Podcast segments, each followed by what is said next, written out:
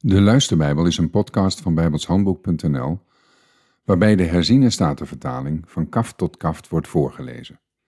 Dit is nummer 19. De Heere sprak tot Mozes en tot de Aaron. Dit is de wetsverordening die de Heere geboden heeft. Spreek tot de Israëlieten en zeg dat zij een rode koe zonder enig gebrek bij u moeten brengen, waaraan geen onvolkomenheid is waarop nog geen juk gekomen is. U moet die aan de priester Eleazar geven, en men moet haar buiten brengen, tot buiten het kamp, en haar voor zijn ogen slachten.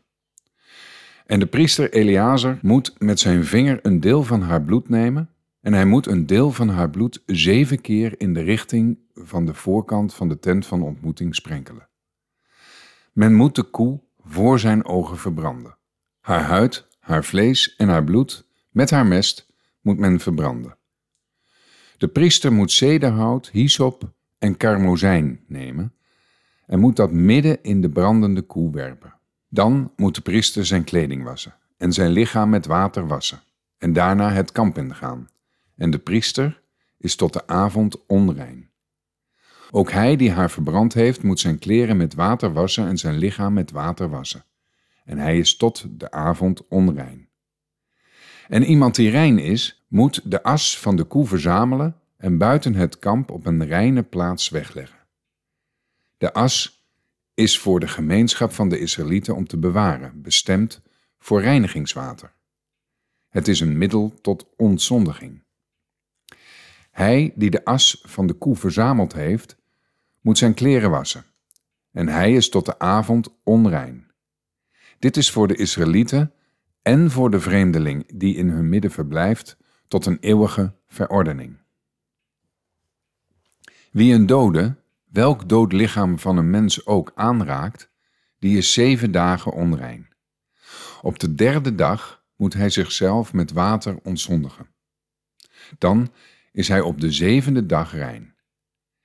Als hij zich echter op de derde dag niet ontzondigt, is hij op de zevende dag niet rein.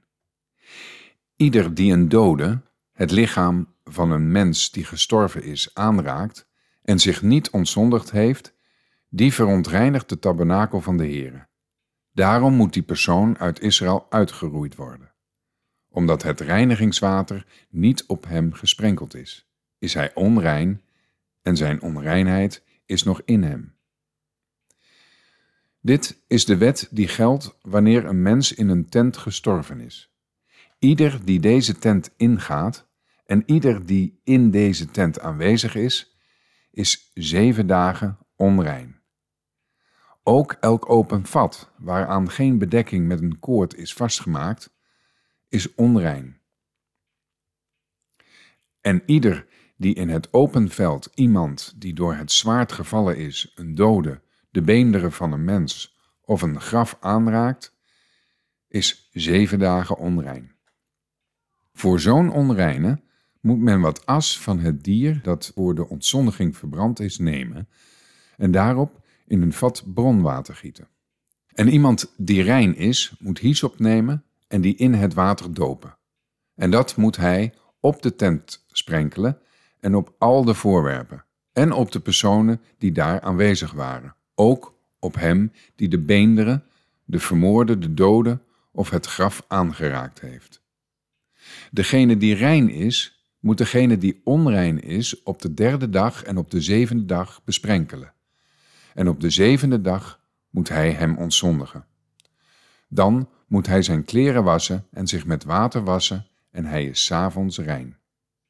Wie daarentegen onrein is en zich niet ontzondigt, die persoon moet uit het midden van de gemeente uitgeroeid worden, want hij heeft het heiligdom van de Heere verontreinigd.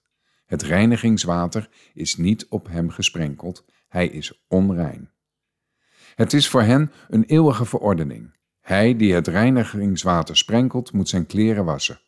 Ook hij die het reinigingswater aanraakt, is tot de avond onrein. Ja, alles wat een onreine aanraakt, is onrein. Ook de persoon die dat aanraakt, is tot de avond onrein. Tot zover.